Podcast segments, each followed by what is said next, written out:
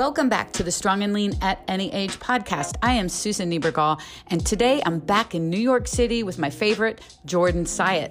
Jordan and I took some questions and we're going to cover some great topics today.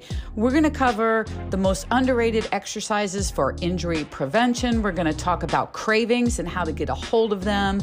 We're going to talk about how to increase your self efficacy, actually believing that you can do it and how to deal with a weaker leg or a weaker arm. What should you do? We've got those topics and a bunch more. So go grab your coffee, put up your feet, take a listen, or go put on those AirPods and get outside and take a walk and take a listen. We think you're really going to enjoy this episode. So let's get to it.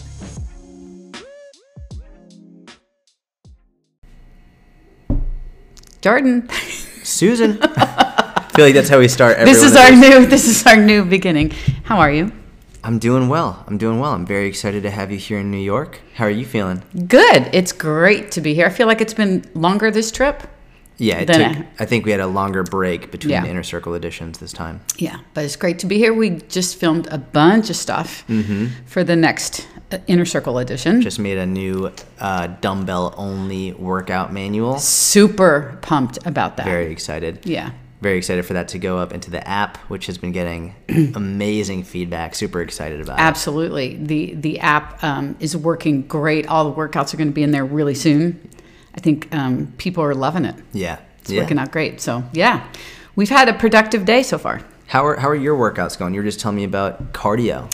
Yes. it's so funny. I've been posting a lot about the, these bike sprints you've given me, right? Yep, yep. Which are I've never you've never done that ever in six years or five oh, yeah. whatever that we've been working together. Yep. Not one time. Never. Until this month. Never. Which goes to show, you know, it's like always learning as a coach, oh, right? Always learning as a coach, and um, they kicked my ass. Well, they always kick my ass, right? But what we were talking about is just how interesting it is to see your cardiovascular endurance um, increase rapidly. Yeah. When you start doing that. Yeah, it's the cool thing about mm. cardio. It, I remember I learned this lesson when I was like 14 or 15 at the gym that I started interning at. And, and, it was actually, when I learned it, it was the person who taught it to me used it as a reason to not do cardio. And that was, I think, when strength training was really becoming more and more popularized and and people were like don't do cardio you don't need to do cardio and they were mainly saying it from a fat loss perspective. And he was telling me how you know strength training it takes a long time to get stronger. It does. It takes mm-hmm. a long time to build significant amounts of strength. In order to improve cardio those changes are made almost workout over workout. And you see radical improvements very quickly. Um, and so when I first learned it, it was a reason why you shouldn't do as much cardio. But I think now, as I've gotten more experience as a coach, it's like it doesn't mean you shouldn't do cardio because you can improve it quickly. It just means you should learn how to incorporate it in an efficient way. Because number one, it's really good for your health, just 1st mm-hmm. and foremost, and because it, it, the better your cardio gets, the better your recovery gets. So the, actually, the stronger you can get as a result of it.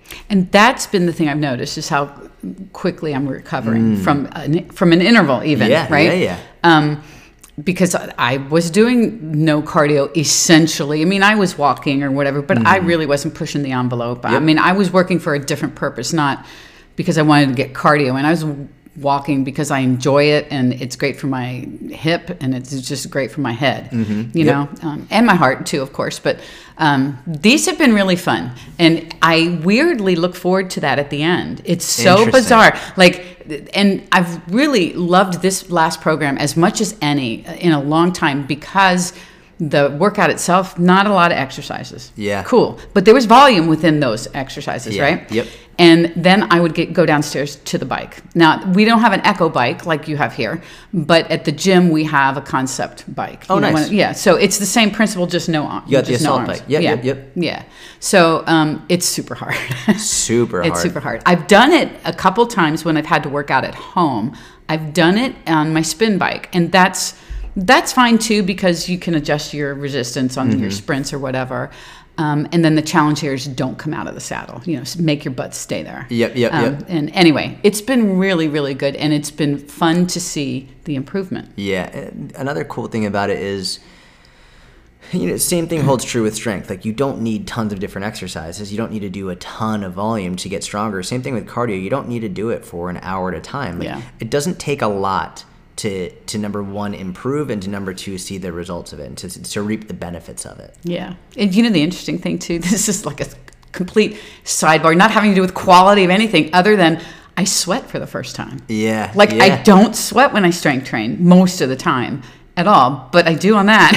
People ask that. People are like, I feel like you know, I'm not sweating. Like, Yeah. should I be sweating? Yeah. And because the whole myth of like, oh, sweating is burning fat. Sweating is not burning fat. Yeah. that's that's not what sweating is. Sweating is your body temperature is rising. so if sweating was burning fat, then literally everyone would just sit in a sauna and be shredded. Right. Like if that that's not how it works. So yeah, I mean, it's one of the cool parts parts about cardio is like you get drenched. Yeah. Like, and it feels good. Like it feels good to sweat and like get your heart rate up. It feels nice. It, I hate to say, but yeah, it does. Because I'm, I really don't. I, the last true cardio experiences I've had were, was running, and that just Mm. you know that, that was injuries on upon injuries with that, and so yeah. But this has been fun. So I and I literally before we came on just told you to keep those in. Yeah, For the yeah. next. I, I think the difference between that the differentiation that a lot of people need to make is card doing cardio because you feel like you need to in order to lose fat, and doing cardio because you know it's good for your health and you enjoy it. Oh, boy, right? Like if you're doing yeah. cardio because you feel like you need to in order to lose fat, and you're essentially treating it like a punishment, well. Then now you have an issue. Now you're developing a bad relationship with cardio. But if you're doing cardio because you enjoy it, because you know it's good for your health, like that's a different discussion. And that's when it can feel good to do it. and that's what's happened Mm. with me, which has been amazing. So yeah, I look forward to the next round. Okay, so we have questions we're going to answer today. Mm-hmm. Um, couple short ones first. First one: Is it normal to feel a slight pull in my lower back when doing an RDL, or is it a core slash weight issue? Um, I'll I'll say, I'll say it's not normal if you're using correct technique and or weight, and, and I hesitate to say that for a number of reasons. Um, the reason I'm going to say it's not normal is because when you're doing it properly and with experience, you shouldn't feel a pull. Yeah. Like that's just like you, it shouldn't be hurting you. You shouldn't feel a muscle strain or pull. That being said, I think when you're learning a movement, there when you're learning anything, there's a period of time in which like you're going to be going through the process of learning what's right and what's wrong. Um, so it's definitely not normal, but it is common as you're learning the process of, of proper technique and proper loading that you will feel it a little bit. And you, I think scaring i think some coaches scare the shit out of people. Like as soon as you feel that pull like you're gonna blow your back out. It's like well that's that's not the case. Like our mm-hmm. bodies are very resilient and the more fear you create around it actually the more likely you are to injure yourself. 100%. when you're scared to to do a movement because you're fearful of hurting yourself well then your body is going to your your mind controls your body. And if you have fear then you're going to hesitate. And when you hesitate especially with under load that's when you really hurt yourself. So it's not normal no. And usually what i've found is it probably means you're either rounding your back too much you're you're not sending your butt far back enough towards the wall behind you and or your, your weight is too heavy Yeah, I, I agree. I, I feel like a lot of times um, people almost just bend over, they bow almost. Like if you can imagine yourself bowing down, that's what they're doing instead of sending their hips back. Yep, yep. Which will do it right away. Absolutely, right away.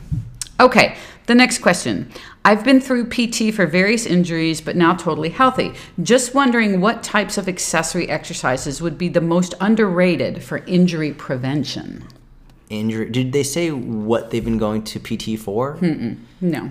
okay well But maybe just overall. Yeah, there. I'll, I'll list a few right off the bat. I'll, I'll sort of go. I'll go joint by joint, right? So Yeah. I'll go joint because like joints are really where you get injured. Yep. So I'll start off in terms of ankle strength and ankle health. I would say uh, literally just balancing on one foot for 10 to 20 seconds. You don't need to don't do it on a Bosu ball. Don't do it on any unstable surface.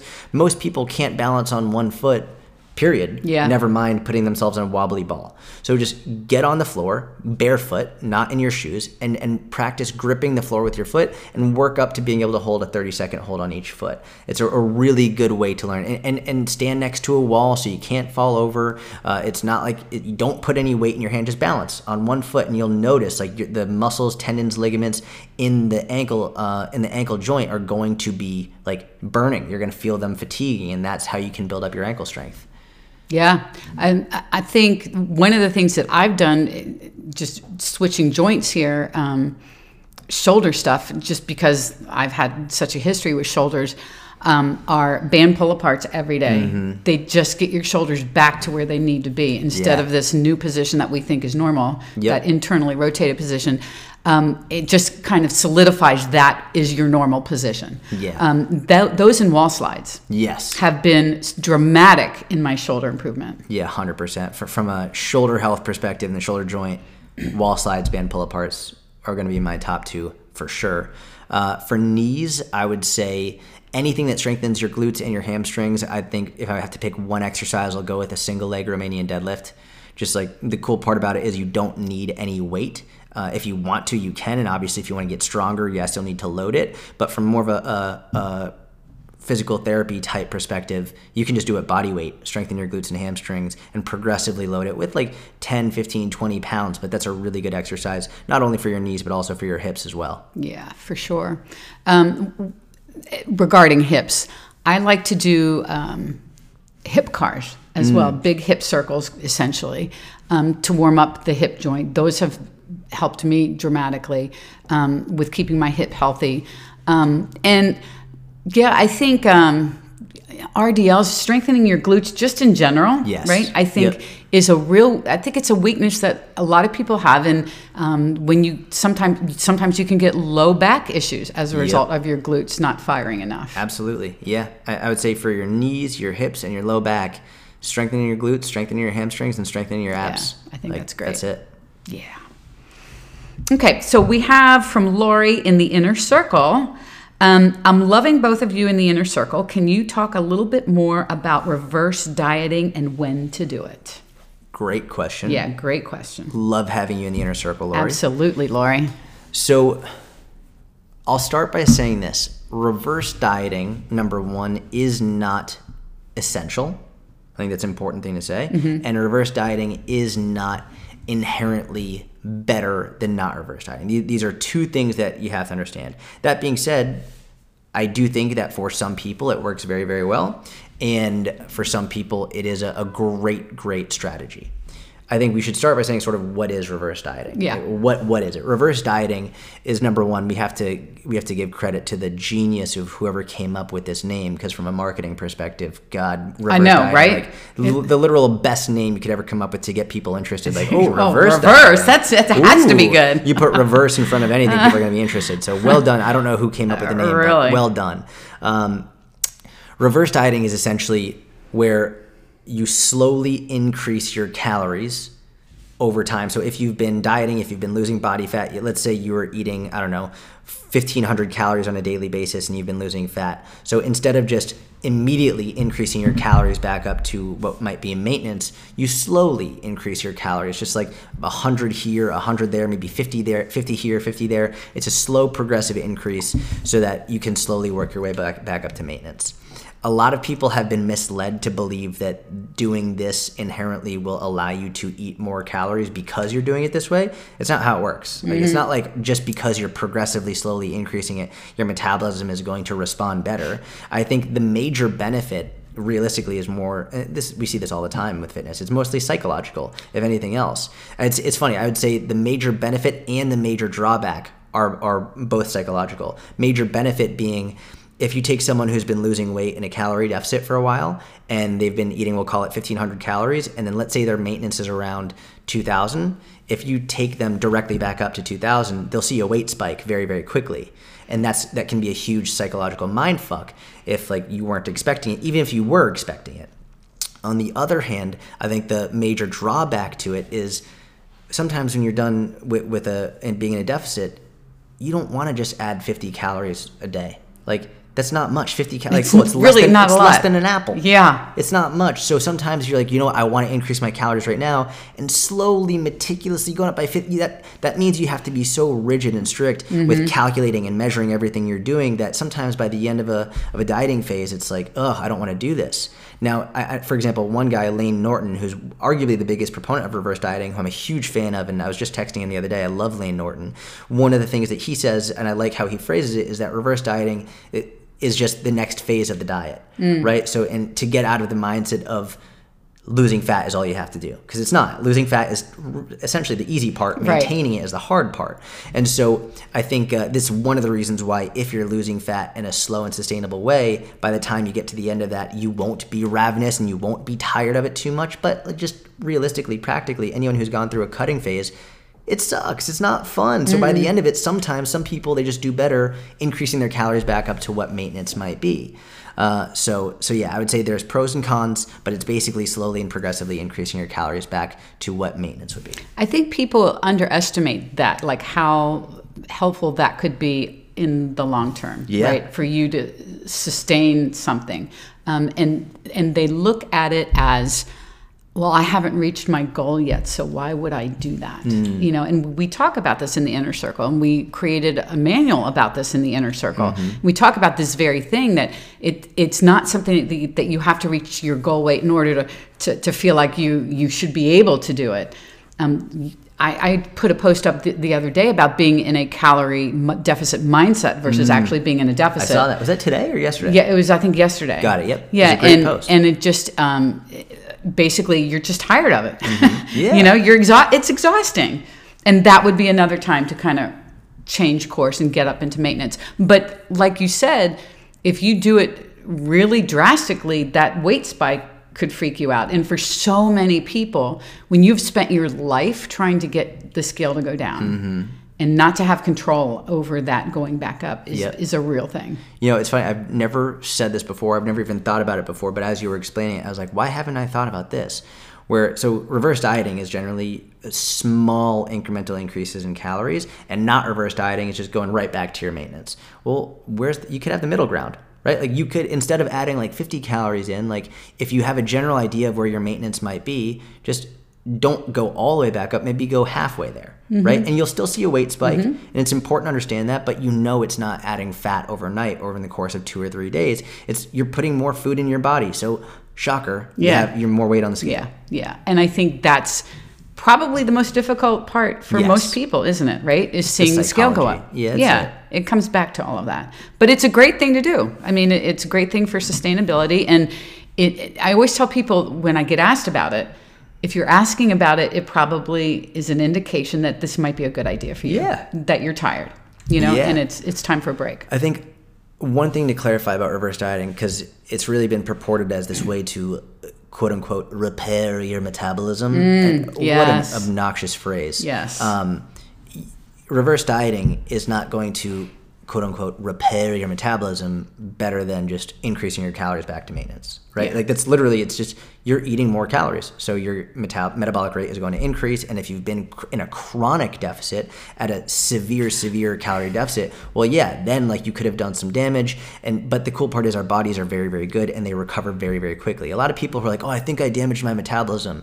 It's like you you literally ate a like, in a deficit for a week and a half. You didn't damage your metabolism. Um, damaging your metabolism comes from a long time of like Severe. severe like anorexia stuff. Like this is not something that you casually do. Um, I think a lot of people have been led to believe that oh, I think my metabolism is damaged uh, because of my age or my gender. No, it, like if you if you really damage your metabolism, like you really went out of your way to restrict yourself in mm-hmm. terms of your food Yeah. intake. So reverse dieting or just going straight up to maintenance or somewhere in between, they'll all increase your metabolism simply because you're eating more. Eating in a calorie surplus will increase your metabolism, but it'll also mean you're adding body fat. Like that's it a lot of people hear increase your metabolism and think, "Oh, this must just be a great thing." But just because you're increasing your metabolism doesn't mean that you're burning body fat. It's a, it's a sort of a, a misconception that people really need to understand. Yeah, yeah, and, and I think you know we hear people that say, "I, you know, I've been in a calorie deficit for a year. I've screwed up my metabolism."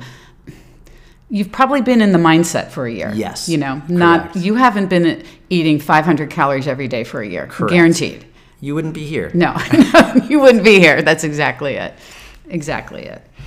Okay, so Brandy from the Inner Circle. Brandy. Brandy um, wants to know about losing the last five pounds. Um, so she, I'm trying to read, or do something to work on time muscle definition, or are they the same thing? All right, so she said, I sent this to Susan's Instagram stories. Lose the last five pounds or do something to work on time muscle definition. uh, or are they the same thing? I think maybe is she asking uh, stay in the deficit to lose those last five pounds, or we trying maybe to build some muscle instead? That's how I'm reading that, it. yeah, that's what I would I would imagine is what she's saying Yeah. as well.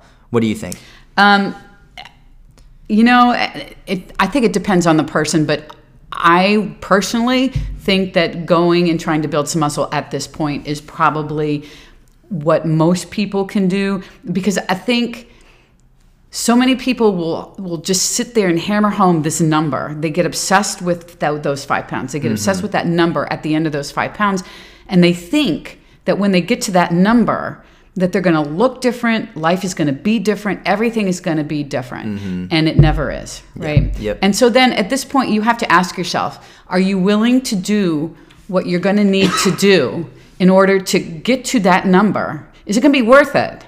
You know, and the answer very well may be no. Correct. I mean, and if it's no, well, then maybe what we need to do now is start focusing on building muscle. Get your focus off of the deficit into some bu- building some muscle, and now focus on performance. Correct. And I think we like should emphasize the question isn't the last 50 pounds. The question is the last five pounds. Yeah.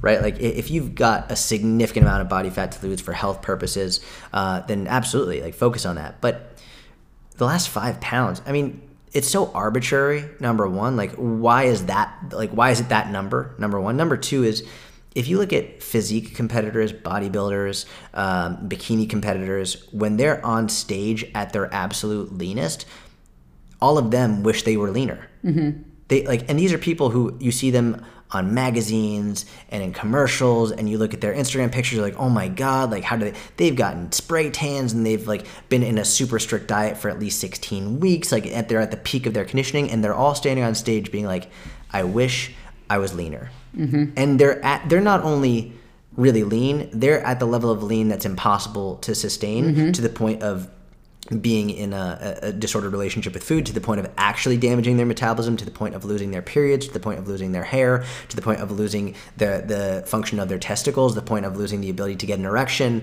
Like these are the people at the peak physical leanness and they're all standing on stage being like i wish i was leaner.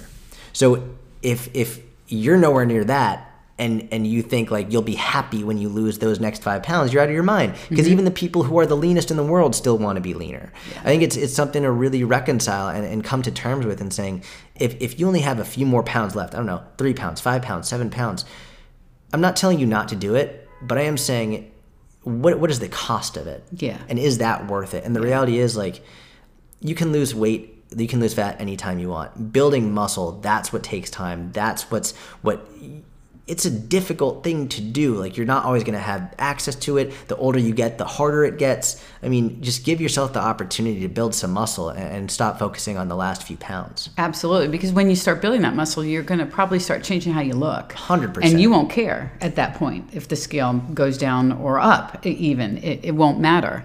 And I, I think people get hung up so much on that number that they lose sight of, of what the possibilities are. Like Absolutely. get, putting on muscle sounds scary. Yeah. You know, from a food perspective or whatever. And this approach, too, especially for someone who doesn't weigh much to begin with, who wants to weigh less. Something really to consider there, too. Mm-hmm. yeah absolutely For sure. Okay, Marsha from the Inner Circle. Marsha. Marsha. what's going on In one of Susan's podcasts from January 30, 2020, you both discussed the first questions asked of a potential client. On a scale of 1 to 10, what is your confidence level that you will succeed? After yo yoing and starting over for about two decades, I've lost my confidence, but I don't want to stop trying. What actions, mentally and physically, can I do to get my confidence level to that 10 and feel headstrong to go for it and know that this time it will really be different? Thanks. Amazing. I'm That's a gonna, great It's a really great, great question. I'm going to reread part of it. Uh, you both discussed the first question asked of a potential client on a scale of one to ten. What is your confidence level that you will succeed? Got it. Okay. So, for anyone who's listening and who might not have heard that podcast or heard that, this is a really important question for coaches to understand, and if you're not a coach, because what essentially Susan and I are doing when we ask a client this question is we want to hear how confident they are in their ability to succeed. And to give you some reference, people who say a seven, eight, nine, or 10 are statistically radically more likely to actually achieve their goal than people who say six or lower. So when we're working with a new client and we get that that uh, scale, we can tell right away how likely they are to succeed. And if it's lower than a seven, our goal is to consistently get them up to a seven or above. Because it's not like the the initial number is the end all be all, but we do like to see that number progressively increase over the course of our time working with that person. So this is a really important thing to understand. A lot of times just think of the people think of the coaching process as here's a new program, here are your calories. Well, that's that's like maybe 20% of it. The the vast majority of mm-hmm. coaching is coaching the individual. Yes. Like helping them believe Yeah. in themselves more, helping them develop a new perspective on life and about fitness and about family and about how to be able to incorporate this into their life rather than trying to jam their life into fitness. So the question going, sorry to go completely uh, sort of astray there, but the question being, what actions f- actually or mentally, physically or mentally, can you do in order to increase your confidence? It's a wonderful question, A- and, there are many, many ways to do this. But I think one of the simplest, and we'll go over several here. One of the simplest and most overlooked is just to do something consistently. Just to to just another way to phrase it is to not break a promise to yourself. Yeah, Right? that. People break promises to themselves all the time. They, they make a promise to their friend, they make a promise to their colleague, they make a promise to their worst enemy. People are going to keep that promise, but they make a promise to themselves and they give it up. So I think you should pick one thing and this should be very deliberate that one thing should be sustainable. It shouldn't be a, a detox. It shouldn't be a juice cleanse. It shouldn't be a rapid fat loss protocol. Pick one thing that you can do every day for 30 days. Mm-hmm. And who knows, maybe, maybe that one thing is just tracking your calories. It doesn't have to even be hitting your calories, but just track your calories for 30 days. Maybe that maybe it's just hitting your protein. Maybe don't even worry about your calories. Just hit your protein every day for 30 days. Maybe it's hit, uh, being consistent with walking every day. Could be anything you want, but pick one thing, make a promise to yourself, make sure it's sustainable, and do it. Because once you accomplish that one thing, well, now you're like, okay, you know what? When I set my mind to it, I can do it. Mm-hmm. And that's why it's so important to start with something that you can actually achieve, not something that's ridiculous like a 400 calorie diet or like a juice cleanse or a detox. Do something that you can do every day and you'll see there will be reasons not to do it. There'll be things that'll come up. There'll be excuses that come up. But don't break the promise to yourself. Do it every day for 30 days. There'll be times when you have to go out of your way where you have to make yourself uncomfortable, but because it's sustainable and because it's realistic and because you made a promise to yourself, you can do it. And just by doing it, you will then believe in yourself a little bit more. Yeah, we talk about this one thing a lot. And I think the problem is that we're trying to change everything. Mm. Like we're juggling all these things and we don't do any of them. Yep. And then of course we don't believe that we can do it, right? Because we've tried everything. Yeah. And and nothing works. Um, so I love the one thing. And even on the days where you don't want to do it, if especially if it's like going out for a walk or something like that, whatever it is, and you don't want to do it, if you keep that promise to yourself, Mm-hmm. how you're going to feel on the other side of just doing it that day is going to be different, right? Just that day. So I think that that's where you start is one thing at a time. That's it. It- It's sort of to come up with a cool catchphrase based off what you just said. Instead of trying to do everything, just do one thing. yeah. Right? Yeah. Like stop trying to do everything. Do one thing. That's it. that's when you, it. And when you, if you try to do everything, you will fail. Mm-hmm. Period. You will. Because you can't do everything, and you know that logically, and you wouldn't tell your a friend or someone to do everything. You'd say just focus on this one thing. So if you're at a place of yo-yoing and going back and forth for years and years and years, well, call yourself on it and just do one thing. It's not going to be the end of the world. It's not going to be the end all be all program, but doing one thing consistently is better than doing everything inconsistently. Absolutely. Absolutely. Great question. I sort of want to tweet that right now. Yeah, right? I'm going to tweet that while we're doing this. Let's Tweet that one. right now. Okay. Um, from Instagram, someone was asking about I need some help handling my cravings. How do we handle cravings? They said they need help handling their cravings. Yeah. Okay. Do you want to start while I tweet this? Sure, sure. So I think the first thing to get a hold of your cravings is to understand first of all why are they happening so much, um, and and also even maybe before that, we just assume that a craving comes and then we have to like give into it. a craving comes, I have to give into it. Um, no, you don't actually. The crazy part is that is going to be such a controversial topic nowadays because Yep. so many people are like, if you crave something, just have it immediately. Yeah. Like, what a stupid recommendation. what a dumb recommendation that is, right? So, where it may feel like it's out of control, the good news here is that it's actually in your control. Mm-hmm. So that's where you start. You you call the shots here. You're the adult. You can just decide whether if you're craving chocolate, you're going to actually have chocolate. Mm-hmm. You know, and a lot of ways you can handle that with the actual food in the house, not in the house. However, it is that's that that's something to be talked about too. But even if you if you crave that chocolate or whatever it is, don't give in right away.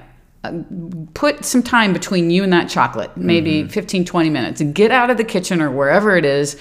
Go do something else, even set a timer. And after that amount of time, if you're still like really craving that chocolate, allow yourself to have some. Because if you feel like when you start allowing yourself to do it in, you know, little bits, you won't want it as much. And then I'll back up and just say this. Are you allowing yourself to have chocolate at all? Hmm.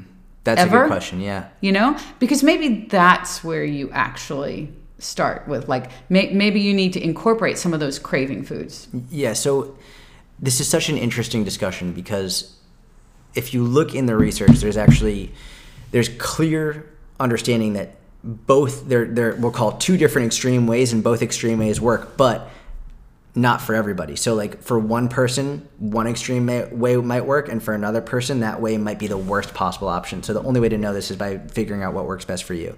I think the first thing we have to understand here is you have to stop making it off limits right? And this is mm-hmm. not our way of saying just get in, just give into it, honey. Right. Like just have what you want. You want Right. the bag of chips, then you eat all the chips. You want the cake, then eat the whole cake. That's not what we're saying. I hate that advice. It's terrible advice. You wouldn't give it to anybody in any situation in life just based on oh you have an impulse, give into the impulse immediately and emphatically and drastic. No, it's ridiculous.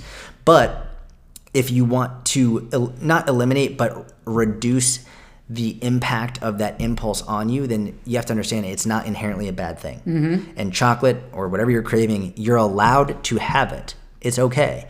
And once it's sort of like, and I've told this to Susan before a ton of times, I've always wanted to pull a fire alarm. Yeah. I have always wanted to pull a fire alarm because it's off limits. I'm like, if it wasn't uh, off limits, walking by that thing regularly, like it wouldn't, there'd be no pull. It's like, okay, whatever. Like, but because I know I'm only supposed to pull that thing if I'm in dire need of that situation, well, now I just want to do it to see what happens. Yeah. And it's like that urge really builds up. Same thing with this. If you make chocolate off limits, well, what do you like? If I tell you don't think of a white elephant, what's you're obviously going to think about a white elephant. If I say you can't eat the chocolate, well, okay, well now I really want the chocolate, and that's oftentimes how a craving can build up. So you have to know it's not a bad thing, and you can have it, and it's totally fine. Now that we've established that, though, I'm going to discuss the two different methodologies. One methodology is incorporating it in small amounts regularly. For some people, that works very well, and it's a great option. But it it doesn't take that many that many years of coaching to understand. Some people cannot do that right away. Yeah. Right? It's sort of like um, if you're talking about uh, alcohol, for example some people actually really respond well and if you look into alcohol research some people they need to go cold turkey no more alcohol. Mm-hmm. Other people they actually do do well with small moderate portions but again the, what the research consistently shows is that it depends on the individual. So for some people having moderate bits of chocolate throughout the day or throughout the week is really helpful. For other people you actually need to go through a period of complete elimination.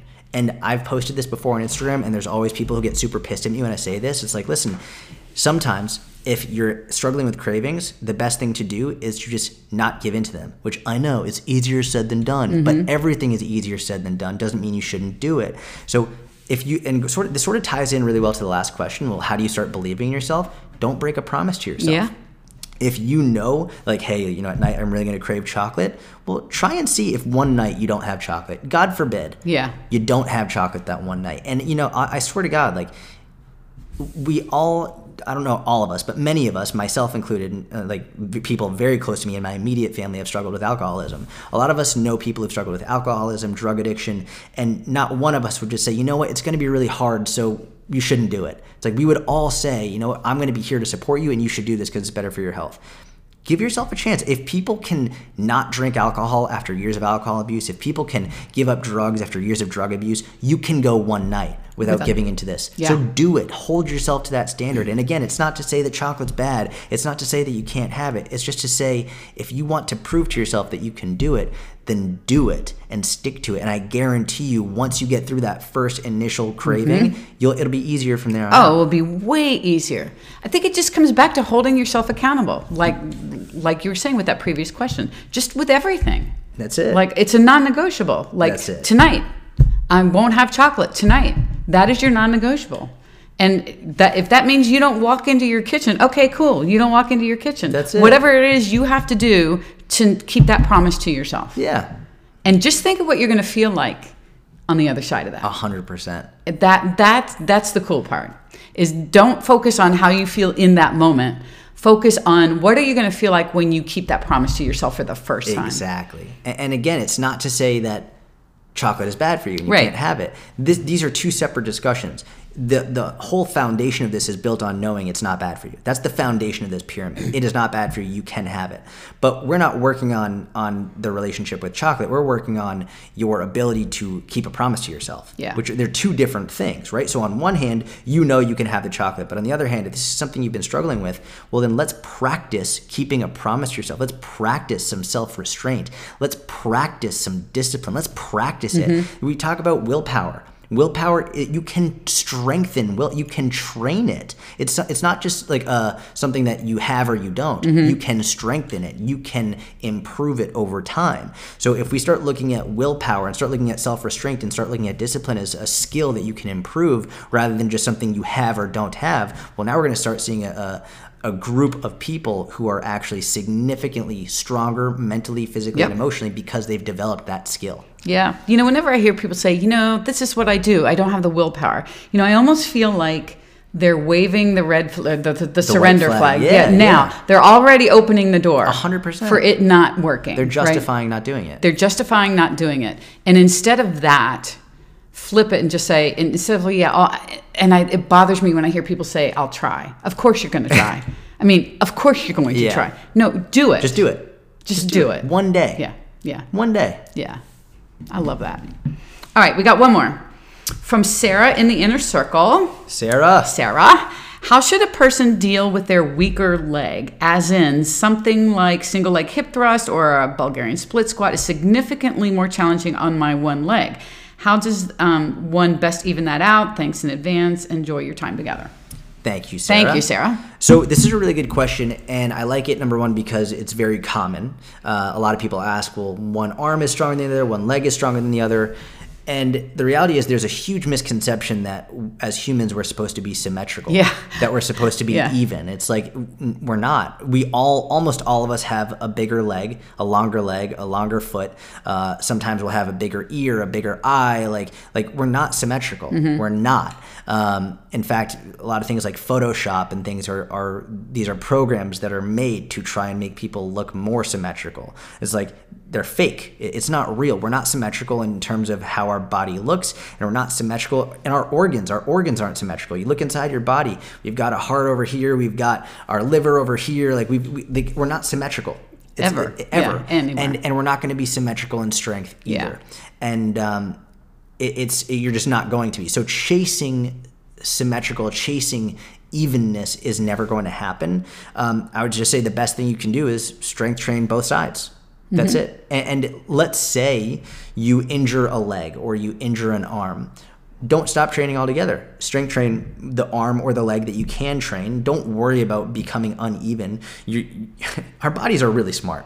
They are. And if you think like you break your arm, God forbid, or your leg or whatever it is, you pull your, you can't use a certain limb. If you really think you're going to build enough strength and muscle mass on that one side to make a, a difference, to like really see a huge difference comparatively, you're not. Uh, just just strength train both sides as evenly as you can, and understand that one side is going to be stronger than the other side, and that's normal. I think I've lived through this from an injury perspective with an injury on my left shoulder versus my right and my left shoulder's always playing catch up, Mm-hmm. you know? And the discrepancy right after the injury was bigger than it is now. Of course, You know, of course, right? but I did not train the left one with heavier weight, or I tried to, you know, Mm-hmm. make sure that I was putting extra effort in on that. I just let my left side dictate what my shoulders were going to do. Yep. And that's how I train. And it's interesting. It's fascinating to watch that over time. How yeah, it does catch up. It's never going to be Ever. as solid. And I, you know, I'm right side dominant anyway, so there's that on top of it. But it's never going to be the same as my right. And you know what? That's that's cool. But it it does not mean that you can't push heavy weight or or that you can't gain benefits. That one shoulder's going to look different than the other. Yeah. It doesn't work that way. It's sort of like uh, most people have a dominant arm that they can throw with, right? It just it- it's sort of it'd sort of be like how do I get like if you're dominant with your right arm for throwing a baseball or a football whatever it is, it's like good luck trying to get the same amount of, of technique and strength and power and speed with your left arm. Like Yeah. like the way I throw with my right arm looks very different than when I throw with my left arm. My left arm looks like a joke. Like I can throw forward there. I played baseball as a kid. My left arm it goes like seven feet, and it's just Yeah. the worst technique. It looks like a different human is throwing the ball. Yeah. It's like what the hell was that? Are you okay? Like did you get hit by a truck? What Yeah. happened? Same thing with with your handwriting. Like my handwriting Oh. sucks in general, but we have a dominant hand we can write with. Good luck trying to write with the other hand. No matter how much you try to do it, it's probably never going to be as good as the hand you're naturally good with. So it's the same thing. Yeah, it is the same thing. Amazing.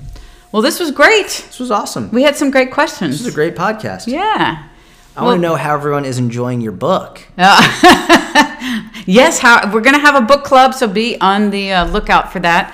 We're going to get that organized in the next week or so. So if you want to hop on in on the Zoom and join in on talking about the book, we will do it. I we will do it. Well, let everybody know where they can find you, especially what you're doing now. Actually, let's talk about that really quick before we go. This the the new side content stuff that's happening oh, here. Oh, the video stuff. Yeah, yeah, yeah. I'm just really enjoying it. I, I I've never done video editing before. You know, when I first started making videos in 2012, I not only did I not video edit, I would literally like I'd hit the record button on something and then I would walk out in front of the camera and then mm. I would do my video and, then I'd walk, walk back, back. and people would see the whole thing Yeah, from yeah, the time yeah. I hit the video record to the time I hit stop. They'd see the mess ups, they'd see like everything. There was it was terrible. And I would never edit anything. I just upload it directly. Uh, and then over time, I started, you know, to trim the ends of it a little bit. And then after that, then I ended up getting videographers. And I worked with a guy named David. I worked with a guy named Anthony. Recently worked with Rico, who's incredible. And he's on to really bigger and better things now. He's back in Chicago. Rico's just crushing it, and we love him dearly. Um, and I've decided that I want to start doing it on my own. And uh, and I've been spending Susan, I've been spending so much time on on YouTube learning video editing. Uh, I've like hours and hours. I like sometimes I'll wake up at midnight being like, I just like I want to learn how to do this. So I've been spending hours and hours and hours learning video editing, and then on top of that, hours and hours and hours trying to create scenes to uh, to video. And like I mess up and I try again and I mess up. I, I literally I took two days. I told you yesterday, Yeah. two days to finally get a 14 second clip for my next YouTube video. Two days, like 12 hours of work to get a 14 second clip. Wow. Um, but I'm really enjoying it. I'm having a lot of fun with it, and it's been really cool for me to get creative again with the filming, with the characters, with like it's been really fun. So that's I'm focusing on on YouTube. I mean, it's cool to see because you light up. yeah, That you that you can see it in your face. You do light up. Yeah. I love that. I, I like the process of learning a new skill. Mm-hmm. I really enjoy that. It's one of the reasons I think I, I enjoy jujitsu so much. It's one of the reasons I think I'm enjoying the video editing so much because I think it's why people fall in love with strength training at the beginning because they're learning something new and they're seeing when they see how quickly they can get stronger for the, they, they start believing in themselves right? They see this is wow like i'm strong i can do this. And that's one of the coolest parts about starting a new skill is the initial learning phase it's really really difficult but the rewards you see the benefits almost mm-hmm. immediately. So that's one of the cool parts about learning something new is that the initial phase is very difficult but you see the your improvements so radically Yeah. time over time over time and so I think uh, that's one of the reasons I'm loving this because every video I'm seeing, oh, I did this better, oh, I did this better, oh, I did this better, this is cleaner, this is faster, this is funnier, and I'm really enjoying it. I love it. So where can everyone find you in these videos? YouTube, Jordan Syatt, and uh, yeah, that's where you can find Get it. Get over there and click click subscribe because you will want to see these. They're they're fantastic. Thank you. They're fantastic. So thank you all for being here and uh, We will talk to you soon.